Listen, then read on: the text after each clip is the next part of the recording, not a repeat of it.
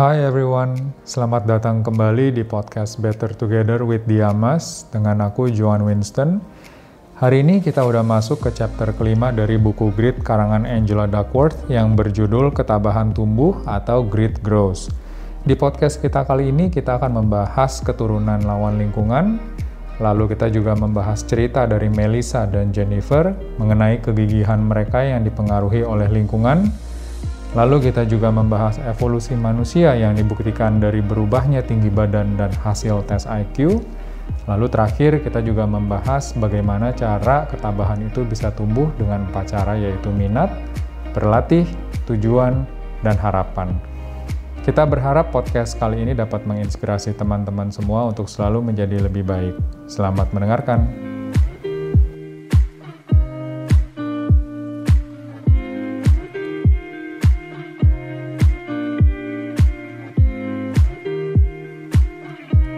Halo, selamat sore teman-teman Diamas. Kembali lagi sama aku Juan.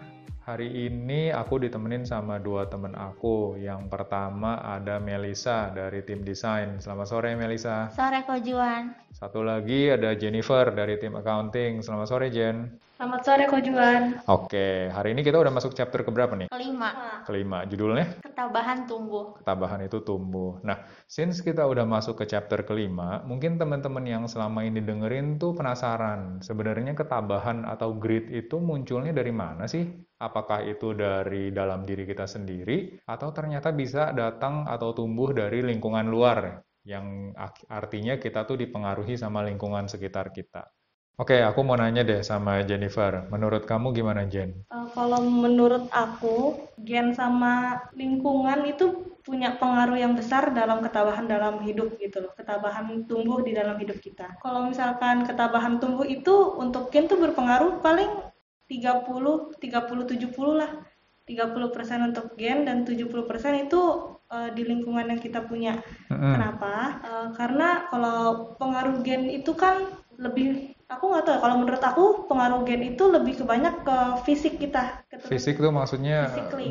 body atau Iya, badan kita body, gitu. heeh. Oke. Jadi kalau ke ketabahan yang mungkin lebih hubungannya ke mental itu gen atau keturunan kurang berpengaruh, Jen. Eh, sebenarnya buka- eh, bu- bukan kurang berpengaruh ya, pengaruh. Mm-mm. Cuman mungkin kalau misalkan dari segi yang tadi Ko Juan bilang, mungkin tuh lebih pengaruh ke lingkungan kali ya. Karena lingkungan kita tumbuh itu kan punya pengaruh yang besar juga. Itu menurut aku gitu sih kok. Ada contohnya nggak? Atau pengalaman pribadi Contoh, yang kamu bisa share nih ke teman-teman? kalau misalkan contoh, kayak misalkan pengaruh gen gitu. Mm-mm. Kalau pengaruh gen, eh, mama itu bisa dibilang apa ya? Kalau nggak papa deh yang gampang. Mm-mm. Jadi dari keluarga papa itu punya gen tuh setiap orang tuh pasti rambutnya tuh tebal, Mm-mm. kayak tebal gitu kan. Mm-mm. Terus aku ternyata dapat gennya jadi rambut aku tebal. Itu untuk Oke. gen. Terus kalau misalkan untuk lingkungan, eh, mungkin dulu kecil aku orangnya tuh karena lingkungan aku banyak banget temen dulu aku Ah. kecil. Jadi setiap hari itu aku pasti keluar buat main. Jadi pergi pagi, ntar sore baru pulang. Terus Oke. kalau misalkan sekarang kan mungkin karena aku tinggalnya juga di suatu perumahan gitu. Jadi terus apalagi sekarang lagi COVID kan membatasi. Jadi aku jarang pergi main jadi di rumah gitu. Tapi hubungannya sama kegigihan tuh apa, Jen? Dari dua faktor yaitu keturunan sama eh, apa tadi lingkungan. Melisa kalau punya contoh boleh share Ah. juga ke teman-teman. Apa nih? Misalkan nih, kadang ada ada orang tua yang punya bakat dalam bidang seni lah. Ah, Ambil kata, misalkan ada ada artis nih. Nah, dia itu keluarganya itu keluarga seni, dia itu penyanyi misalkan. Mereka berdua itu sama-sama penyanyi. Nah, mereka punya anak, ya kan? Nah, mereka punya anak otomatis anak ini pasti punya bakat keturunan nyanyi dari kedua orang tuanya. Pasti memang. Iya, Oke. Tapi kan itu Terus? harus harus tetap dilatih. Setidaknya masalah eh, setidaknya orang tuanya itu bisa ngajarin anaknya untuk eh, menyanyi, maksudnya eh, melatihkan diri. Oke. Kan ketabahan itu nggak berdasarkan dari gen, tapi juga berdasarkan dari pengalaman kan. Lingkungan. Eh, ya lingkungan. Ah, Berarti ah. dia eh, berlatih terus supaya dia mungkin nextnya dia bisa jadi penyanyi seperti kedua orang tuanya. Oke, jadi kalau aku simpulkan keturunan tuh punya pengaruh, tapi lingkungan juga punya pengaruh yang nggak kalah pentingnya. Betul nggak? Iya betul. Oke. Nah, kalau yang dimaksud dengan lingkungan di sini apa aja sih contohnya? Tadi kan Melika, Melisa kan kasih contoh orang tuanya nih. Gimana kalau orang tuanya itu sebagai penyanyi, mungkin anak-anaknya akan terekspos dari dunia eh dari umur yang kecil atau yang dini tuh udah ke dunia-dunia nyanyi gitu ya. Tapi selain orang tua, menurut kalian siapa lagi yang punya pengaruh terhadap kegigihan atau talenta satu satu orang itu?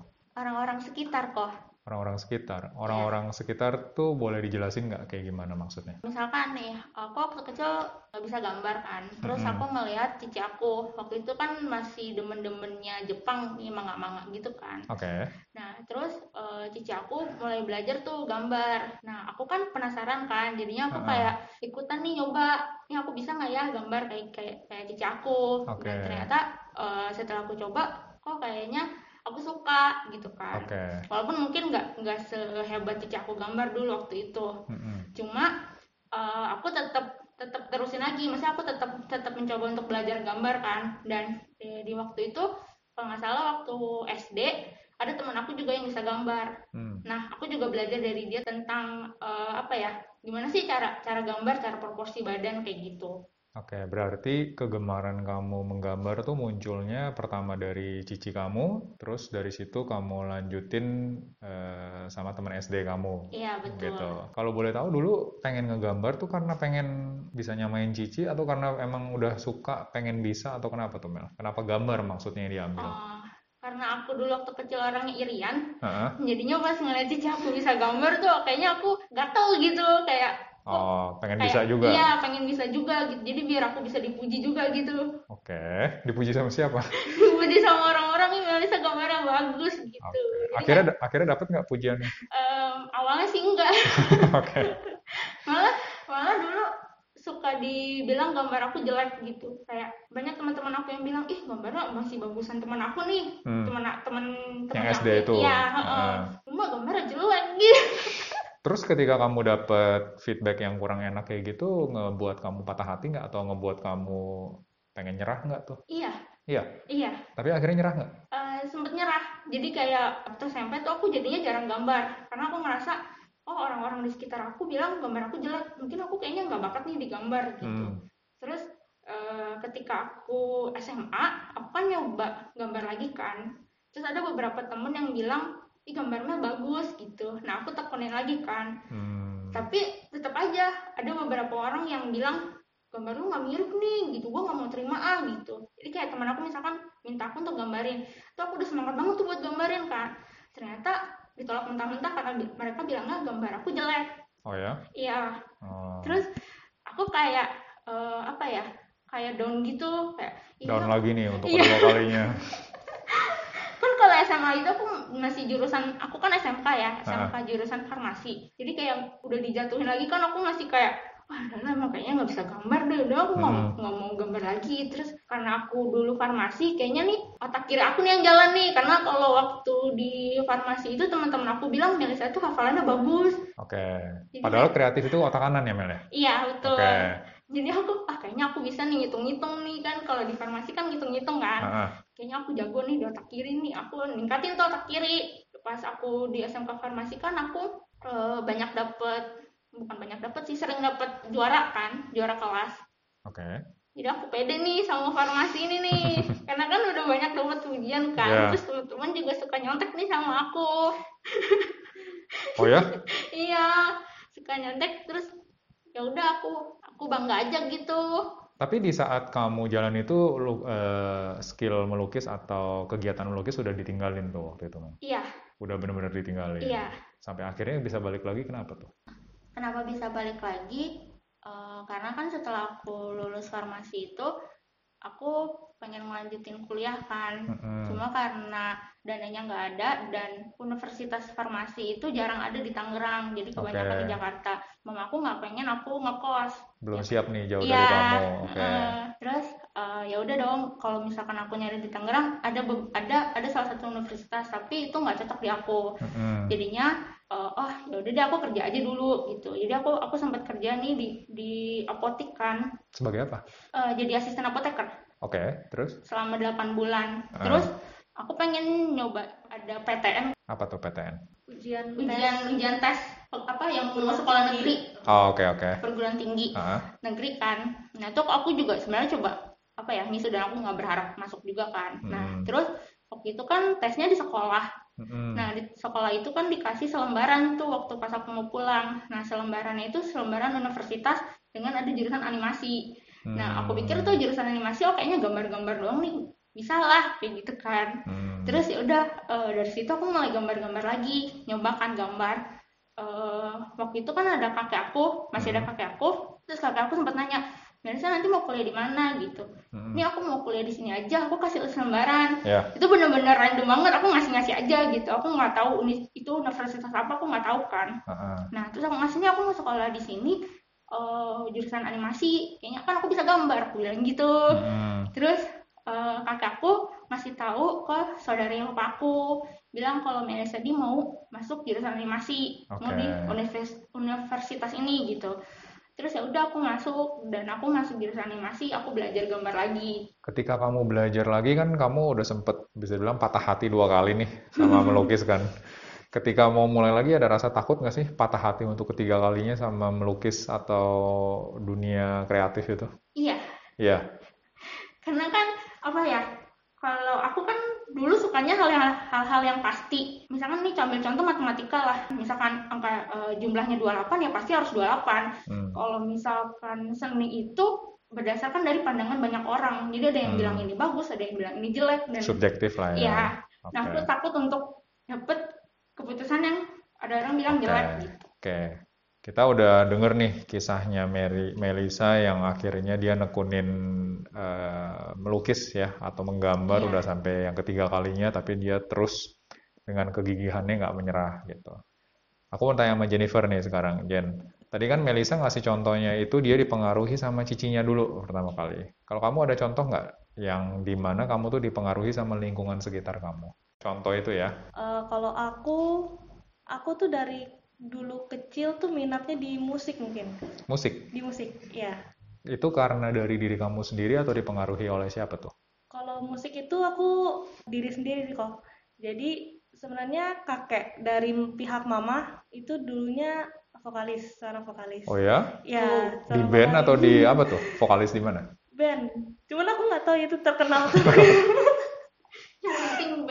Ya, cuman nenek waktu itu pernah cerita eh, gimana kisah dia ketemu sama kakek aku. Oke. Ternyata kakek aku tuh seorang vokalis, terus ya dan nenek-nenek gitu ya, dan akhirnya mereka nikah, terus ya udah jadi deh mama, papa, terus nikah, jadilah aku gitu Oke. kan.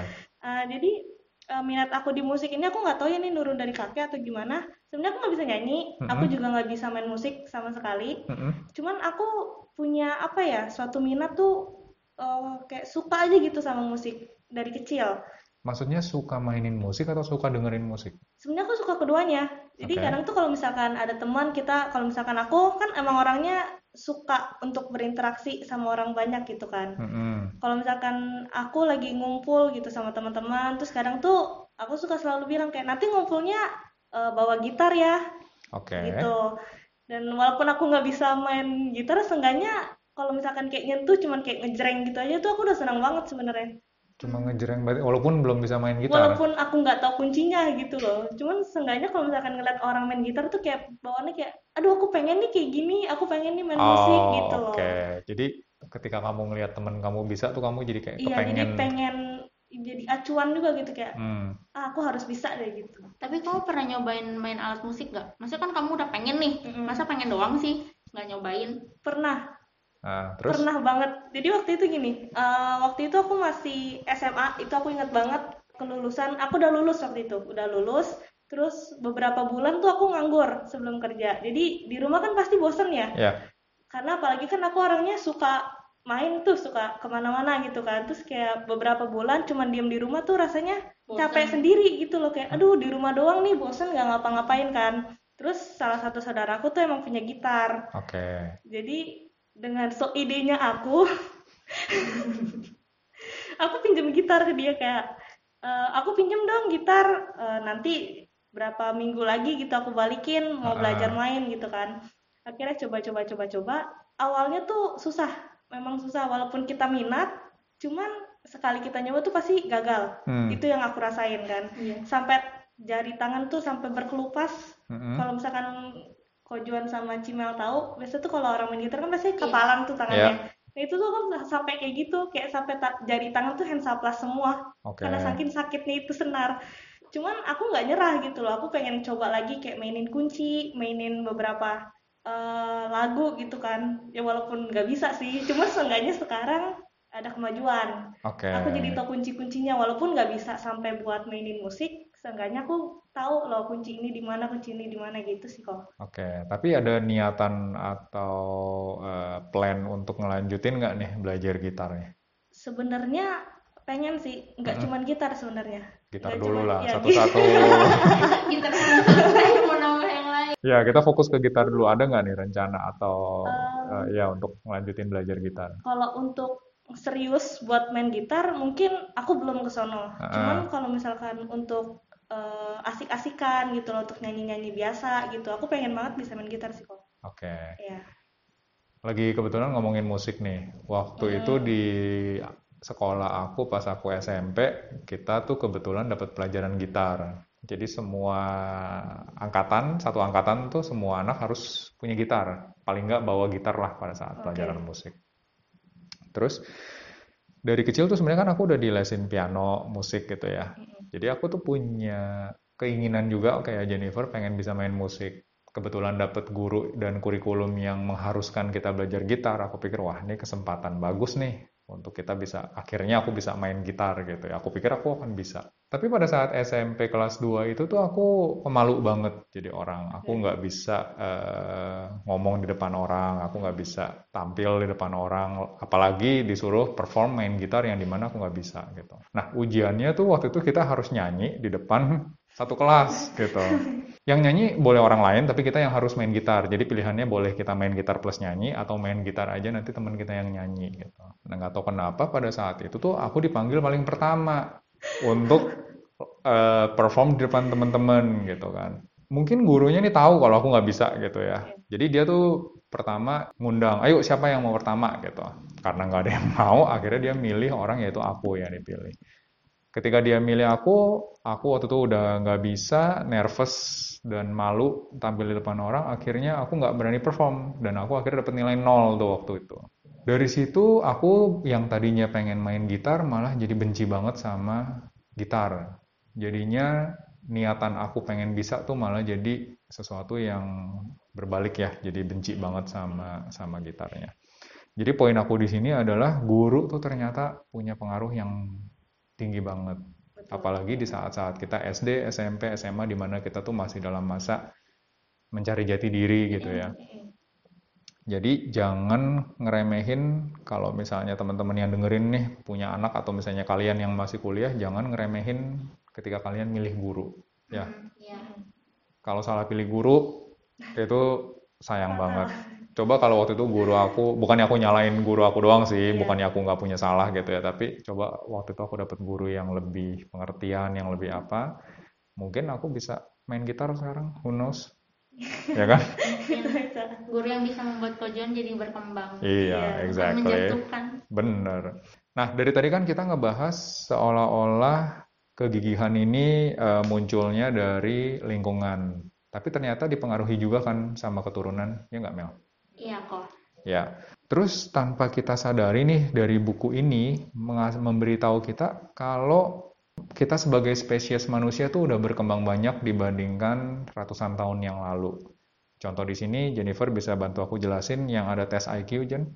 Untuk tes IQ sendiri itu kan sudah ada dari zaman dahulu ya, dari Mm-mm. zaman ratusan tahun sampai sekarang saat ini. Betul. Uh, jadi orang pasti bertanya-tanya kenapa sih tes IQ zaman dulu tuh zaman sekarang tuh perubahannya tuh bisa beda banget gitu loh. Hasilnya ya. Hasilnya Mm-mm. kayak zaman dahulu tuh mungkin cuman 7 kisaran 70 80 80. 80 ya. Ya. Sedangkan sekarang tuh bisa sampai 100 130 bahkan bahkan, rata-rata ya. Ya, dan itu kalau misalkan dari yang aku baca di buku, IQ itu dipengaruhi bukan cuma dari gen, tapi juga dari keadaan kita, lingkungan kita. Boleh dijelasin nggak tuh gimana maksudnya? Eh, maksudnya kalau misalkan dari lingkungan kita tuh eh, zaman dulu kan pasti apa-apa kan kita harus tatap muka ya Mm-mm. harus tatap muka zaman dulu tuh belum ada handphone belum ada sosial media dan sebagainya tapi untuk sekarang kita udah berkembang udah jadi negara berkembang Kita bisa ngelihat contoh mungkin. Iya, bisa ngelihat contoh di sosial media atau Mm-mm. mungkin zaman sekarang kan banyak apa ya? kayak ini apa ada nih yang kita nggak ketahuin nih terus kita buka HP Heeh. misalkan oh ini aku dapat ilmu baru nih Ya. di HP nih eh di di HP kan Mm-mm.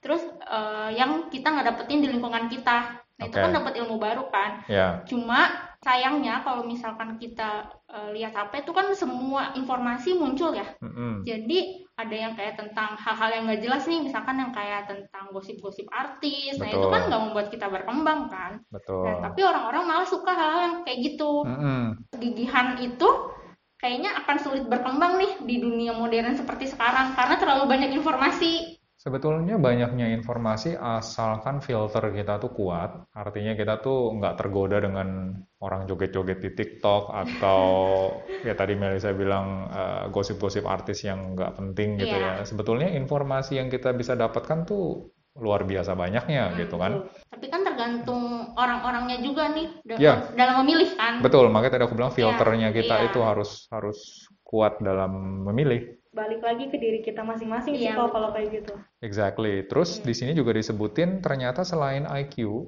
fisik kita pun berubah. Jadi kalau kita bandingkan sama gen- beberapa generasi yang lalu, generasi kita sekarang itu dari tinggi badan tuh udah jauh lebih tinggi dibanding beberapa generasi yang lalu. Dan itu disebabkan oleh nutrisi, akses ke makanan dan minuman yang bersih, lalu juga obat-obatan yang medis. Dan bahkan kemarin tuh aku sempat baca artikel, disebutkan di artikel itu kalau anak-anak muda zaman sekarang tuh pubernya lebih cepat dibandingkan mungkin waktu beberapa tahun yang lalu gitu ya. Itu disebabkan kenapa? Karena hidup kita itu cukup damai, nggak ada perang kecuali yang baru-baru ini. Kita punya nutrisi bagus, kita punya akses ke obat yang bagus, jadi tubuh kita tanpa kita sadari itu membuat kita jadi lebih cepat puber supaya kita lebih cepat bisa berkembang biak. Hmm, betul Tujuannya lebih ke sana tanpa kita sadari. Itu evolusi yang sekarang ini lagi terjadi. Loh, jadi eh, jangan remehkan. Tadi kan kita bahasnya kebanyakan ke lingkungan ya, Iya, betul. tapi jangan remehkan eh, keturunan itu Keturunan juga. Mm-mm. Nah, aku mau lanjut ke empat ini nih psikolog apa istilahnya eh, faktor psikologikal ya yang ada empat itu. Siapa Iya. yang bisa jelasin? Eh, di buku ini kan ada empat cara bagaimana ketabahan itu tumbuh Oke. Eh, yang pertama itu kan minat Heeh. minat itu adalah keinginan untuk menikmati apa yang kamu lakukan jadi Keing apa? keinginan untuk menikmati apa yang kamu lakukan. Saya mencintai apa yang saya lakukan. Jadi eh, apa ya minat aku misalkan eh, contohnya gambar gitu. Heeh. Nah kalau aku udah fokus menggambar ya aku udah tahu nih minat aku menggambar. Ya. Nah next lanjut yang kedua. Sebentar, sebelum kita masuk yang kedua nih Mel, aku Iya. mau gali lebih dalam lagi poin yang pertama. Ya. Tadi kan kamu bilang kita belajar mencintai apa yang kita kerjakan. Ya. Artinya kalau kita belajar mencintai kan kita belum mencintai dari awal. Mm-mm. Ya nggak? Ya betul. Ya. Mungkin ada beberapa orang yang beruntung yang bisa dapat kerjaan yang sesuai dengan hobi atau dengan passionnya. Ya. Kayak kamu mungkin kamu beruntung deh, kamu kan demen uh, ngegambar, kamu bisa dapat kerjaan yang cukup berhubungan dengan hobi kamu gitu. Mm-mm. Tapi kalau Jennifer, apakah hobi kamu dari dulu ngerjain accounting? Ngitung HPP? Boleh jujur? Ya. Iya dong. gitu nggak? Kalau boleh jujur ya, sebenarnya Hah? minat aku tuh bukan di accounting sama sekali. Nah, Sama sekali. gimana tuh bagi orang yang apa yang dia kerjakan nggak sesuai dengan minatnya Mel? Apakah dia artinya nggak bisa jadi gigih? Pasti ada nggak sih? Emang kamu beneran nggak ada ya? Kalau berarti kan kalau itu kan be- beda lagi nih. Ini kalau menurut aku ya, ini tuh bukan termasuk gigihan. Misalkan Jennifer sekarang bagiannya accounting. Ya, Nah, bagian accounting kan kar- karena dia bekerja bukan berarti itu minat dia minat dia di accounting. Jadi Hmm. itu hanya kebutuhan dia eh, apa ya? Kebutuhan hidup. tapi kan Nah, apakah ya. berarti Jennifer nggak bisa jadi gigih? Bisa aja kan udah memulai nih, misalkan dia masuk accounting, pasti dong dia mempelajari sesuatu hal dan dia jadi pasti ada beberapa yang mungkin dia suka. Ada nggak? Iya, ah, ah. Ada. Ada kan? ada ada sih. Artinya kita itu belajar mencintai apa yang kita kerjakan. Betul. Bukan berarti harus kita mengerjakan apa yang sudah kita cintai gitu loh Mel, kalau menurut aku. Karena balik lagi nggak semua orang bisa seberuntung orang yang bisa ngerjain apa yang dia sukai gitu. Iya, betul. Oke, poin kedua apa? Poin yang kedua itu berlatih. Jadi Hmm. salah satu bentuk kegigihan itu adalah kedisiplinan atau komitmen kita untuk melakukan segala sesuatu itu dengan lebih baik. Jadi cuma modal minat doang gitu. Terus aku nggak nggak melatih itu, nggak nggak melatih itu terus menerus. Jadi kayak bolong-bolong nih misalkan hari ini berlatih nggak eh, sampai satu minggu kemudian nggak gitu. Terus eh, ya udah. Nah, eh, tapi kalau misalkan aku berlatih terus nih, aku berlatih menggambar terus, berarti kan otomatis kemampuan aku makin berkembang kan. Oke, artinya kita harus selalu jadi lebih baik. Yap. Oh, udah cocok nih sama visinya dia Mas dong. Aku juga mau nambahin nih Cimel ya. Iya. Oke, Yang gimana Jen? ketiga itu ada yang namanya tujuan. Jadi tujuan itu sebenarnya yang aku tangkap dari sini adalah visi dari minat dan misi dari berlatih. Gitu. Visi dari minat dan misi dari berlatih. Iya. Boleh dijelasin nggak apa Jadi tuh gini, maksudnya? eh, misalkan kayak Cimel, Cimel sendiri tadi bilang minat dia menggambar, gitu kan. Mungkin cita-citanya Cimel mau jadi pelukis kah atau apakah gitu. Itu kan suatu tujuan kan. Mm-mm. Tujuan dia nanti kalau misalkan ya berharap Iya. tujuannya tercapai gitu. Ya, Terus kenapa aku bilang berlatih itu sebagai misi? Ya kayak tadi Cimel udah jelasin, kayak dia terus berlatih gimana caranya seorang pelukis tuh bisa apa ya namanya? Lebih Makin- baik lagi makin gitu loh, mahir lebih mahir lagi dalam gitu loh. gitu. kan kalau di hidup kita ada tujuan kita semakin semakin apa ya semakin bisa melatih diri nih karena kalau misalkan kita nggak berlatih kita kan karena kita nggak punya tujuan nih terus kayak ah kita mah aku kan nggak ini kan cuma hobi aku doang terus nggak di nggak dijalani nih nggak nggak di seriusin ya. nggak ah, ah, nggak diseriusin jadi ya udah nggak ada tujuan nggak diseriusin juga nggak dilatih juga ya udah gitu hilang aja Oke, tapi kalau kalian udah dengerin podcast minggu lalu, contohnya si Fadil tuh, dia itu tujuannya nggak untuk dirinya sendiri. Ya. Tujuannya tuh untuk anaknya dia. Mm-mm. Dia bekerja keras supaya dia bisa memberi kesempatan yang lebih baik untuk anaknya dia. Menurut kalian, jadi tujuan itu harusnya datang dari diri sendiri atau bisa dari orang lain atau dari luar? Kalau menurut Jennifer, Kalau aku tujuan itu bisa di keduanya sih kok. bisa dari keduanya. Bisa, eh, tergantung mungkin keadaan kali ya. Karena mungkin kalau misalkan orang-orang mungkin sepantaran aku pasti mikir tuh untuk diri, diri sendiri gitu. Karena Mm-mm. eh, kasarnya tuh belum ada tanggungan iya belum ada tanggungan. Jadi tujuan hidupku tuh mungkin sekarang aku aja aku bisa mikir oh tujuan hidup aku aku pengen jadi orang yang berhasil, pengen jadi pengusaha dan segala macam. Cuman untuk ke depannya kalau misalkan umur aku nanti 30, 40, 5 tahun, 50 gitu. Tujuan aku mungkin bisa aja berubah gitu. Oke. Berarti purpose atau tujuannya fleksibel ya, bisa Eh, berubah ya. Bisa. iya Kalau menurut aku bisa. Oke. Yang keempat apa, Jen? Kalau yang keempat itu ada harapan. Mm-mm. Harapan itu bisa dibilang kegigihan dan juga bangkit kalau misalkan kita eh, Gagal. gagal gitu. Jadi eh, aku pernah dengar suatu kata-kata dari eh, seorang presiden kita, Mm-mm. I.R. Soekarno. Mm-mm. Jadi I.R. Soekarno itu pernah bilang, raihlah cita-cita kita setinggi langit, Mm-mm. walaupun kita nanti jatuh, jatuhlah di antara bintang-bintang. gitu. Mm-mm. Jadi eh, kalau menurut pandangan aku, yang beliau bilang tuh kita harus berani punya cita-cita tuh yang besar, Hmm. gitu. Harus punya Ya. cita-cita yang besar. Ya. Kita tuh harus punya merasa apa ya, rasa takut mungkin untuk menggapai cita-cita Betul. tersebut gitu. Betul. Kalau misalkan kita nggak punya rasa takut untuk menggapai cita-cita itu, eh, bisa dipastikan itu bukan cita-cita yang besar gitu loh. Karena kita Hmm. nggak punya rasa takut untuk menggapainya. Tapi walaupun nanti kita jatuh, kita jatuh di antara bintang-bintang. Dan menurut aku tuh, walaupun nanti tujuan yang kita punya, cita-cita yang kita pengen capai itu nggak nggak tercapai gitu. Seenggaknya adalah satu dua titik yang apa ya? Yang bisa kita yang bisa kita mungkin. ambil gitu loh Ya. hidup kita jadi nggak mungkin sia-sia gitu loh walaupun Hmm. tercapai menurut aku gitu sih kok Ya, aku juga setuju nih, keren banget poinnya. Eh, jadi ada satu pesan ya yang aku ingat. Ini sih sebetulnya iklan dari suatu merek sepatu gitu ya. Tapi karena iklannya ini menginspirasi banget, dia bilang kalau orang ketawain kamu, kalau kamu punya mimpi yang gede gitu ya, biarin aja mereka ketawain kita. mereka nggak tahu kalau kita disebut mimpi kita gila itu bukan suatu ejekan tapi suatu pujian gitu sebetulnya. Jadi itu keren banget. Terus aku mau nanya nih eh, sebelum kita tutup podcastnya. Eh, ada dua pertanyaan terakhir ya. Mungkin siapa dulu yang bisa jawab silahkan. Gimana nih kita bisa gunain pengetahuan yang kita udah dapet di chapter ini untuk ngebantu teman kantor kita?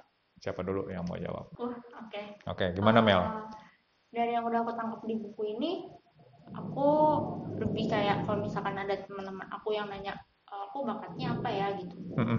terus eh, kayak oh aku harus ngasih tahu ke mereka sebenarnya apa sih yang kamu suka kadang kan ada orang yang nggak tahu nih kemampuan dia dia sukanya apa Mm-mm. nah terus aku eh, aku mungkin bisa nanya dulu nih kan kamu suka suka make up nih misalkan kamu kan suka make up ya udah kamu coba aja belajar untuk jadi make up artis kayak Oke. gitu jadi kayak mm, mencari tahu nih minat mereka tuh sebenarnya di mana gitu Oke, kalau Jennifer gimana nih bisa pakai pengetahuan yang kita dapat untuk ngebantu teman kita di kantor? Kalau aku mungkin akan memberi masukan, suatu masukan Mhm. karena eh, biasanya kan kalau misalkan eh, teman kantor atau ya pokoknya teman-teman kantor gitu pasti kan adalah kita kalau lagi ngobrol pasti kan cerita, Mm-mm. eh, aduh gimana nih, kayaknya passion aku bukan di sini atau gimana gitu kan. Oke, Pasti aku kalau misalkan kayak itu pasti aku memberikan masukan yang kayak banyak pilihan sih kayak misalnya oke di sini bukan passion kamu, Mm-mm. terus kamu mau apa gitu. Mm-mm. mau ngelanjutin atau kamu mau uh, mengejar uh, mengejar sesuatu yang itu ada passion kamu gitu kan Mm-mm. ya paling itu sih kok memberikan suatu masukan Oke, kita balik lagi sedikit ke passion sama kerjaannya. Aku pun dulu berpikir kayak gitu. Aku tuh dulu sukanya di marketing gitu ya. Eh, kebetulan pertama kali dapat kerja, aku memang sengaja nyari di posisi marketing dan aku dapat gitu. Tapi ketika aku masuk marketing, ternyata banyak aspek marketing yang yang aku nggak sukai gitu loh. Tapi bukan berarti aku jadi nggak suka sama marketing. Jadi ada, walaupun kita udah berkecimpung di dunia yang tadinya kita harapkan, tapi apakah itu semuanya akan jalaninnya jadi mudah, ataupun kita, apakah semua aspek dari dunia itu akan kita sukai? Nggak juga, aku rasa.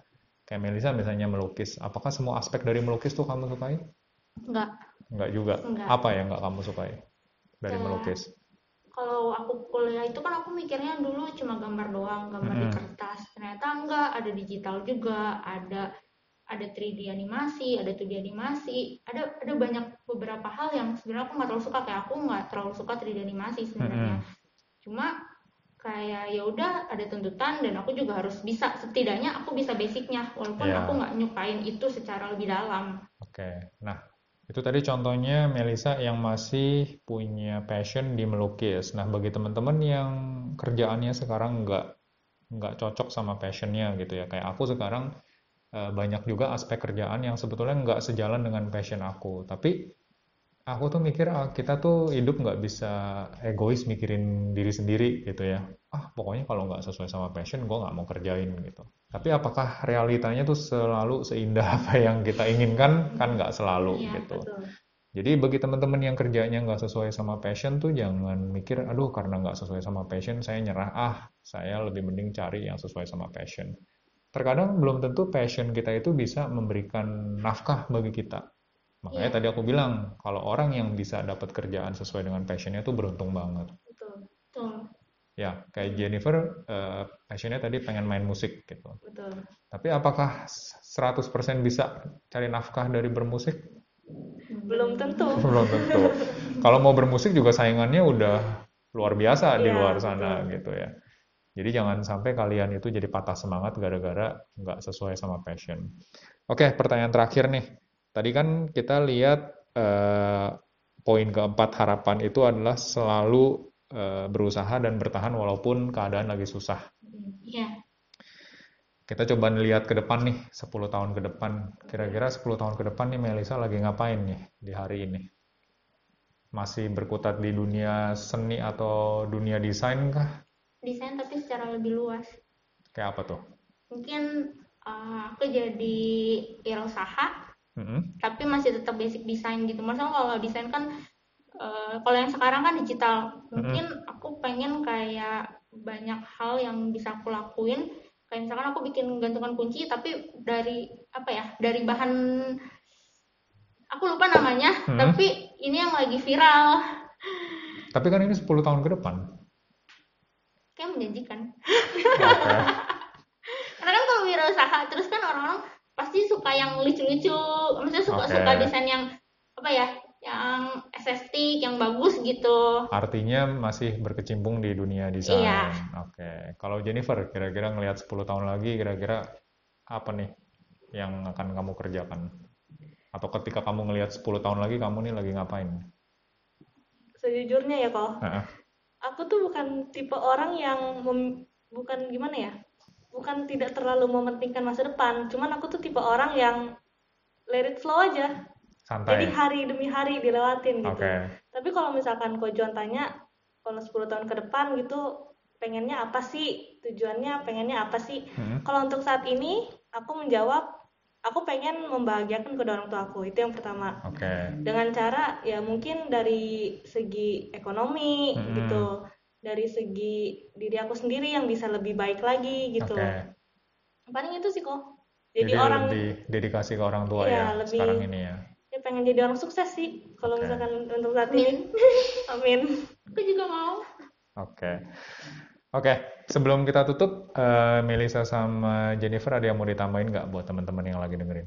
Hmm, aku mau nambahin deh. Kan tadi ngomongin soal tentang uh, kegigihan, tentang bakat, Mm-mm. terus kamu punya bakat apa enggak? Ya. Nah, ini ada uh, John, John Irving, seorang penulis novel, dia pernah bilang kayak gini. Apa tuh? Bila kita melakukan sesuatu berulang kali, sesuatu yang bukan kemampuan alami kita akan menjadi sesuatu yang dapat kita lakukan secara alami. Oke. Jadi eh, dengan kita melakukan kita punya kita melakukan aktivitas satu, kita mungkin nggak tahu itu kemampuan kita apa bukan, tapi kita ngejalanin itu terus menerus, lama-lama itu akan jadi kemampuan kita. Maksud kita jadi ah aku kayaknya pengen dalamin kemampuan ini gitu dari dari hidup kita nih. Apakah itu harus ses- eh, sesuai dengan passion kamu? Nggak harus. Nggak harus. Nggak harus. Oke. Kalau Jennifer ada yang mau ditambahin? Eh, untuk aku sebenarnya cukup kok itu aja. Cukup ya? Iya. Melisa, cukup? Cukup ah. Oke, jadi udah seru banget ngobrol-ngobrol kita hari ini. kita bertiga berharap obrolan kita ini bisa menginspirasi teman-teman yang dengerin ya. Iya. Jadi mungkin bagi teman-teman yang masih bingung sebenarnya passion saya di mana sih, bahkan belum ketemu gitu passionnya ya, jangan takut. Kalaupun kalian sekarang ini lagi di kondisi kerja atau mengerjakan sesuatu yang nggak sesuai sama passion, jangan jadikan itu sebagai suatu beban. Iya. Oke, terus nge-recap dikit, jangan lupa filter itu dipasang ketika lagi bersosial media, karena kenapa Mel? Karena banyak yang jahat. Informasi-informasi itu banyak yang jahat. Yang jahat dan mungkin cenderung eh, membuat kita tuh jadi lebih suka sama informasi-informasi yang kurang berbobot mungkin. Yang membuat kita berkembang. Yang nggak berkembang? Tidak berkembang. yang tidak ya. Yang tidak membuat kita berkembang. Oke kalau udah nggak ada yang ditambahin aku tutup podcastnya kali ini. Kita ketemu lagi di minggu depan dengan chapter yang berbeda dengan pembawa ininya eh, podcastnya yang beda juga Thank you teman-teman yang udah dengerin. Eh, thank you juga buat Melisa sama Jennifer yang udah bantuin aku hari ini. ya terima kasih kau juga Thank you Kojuan. Oke, sampai ketemu di podcast berikutnya. Bye bye. bye bye Dadah.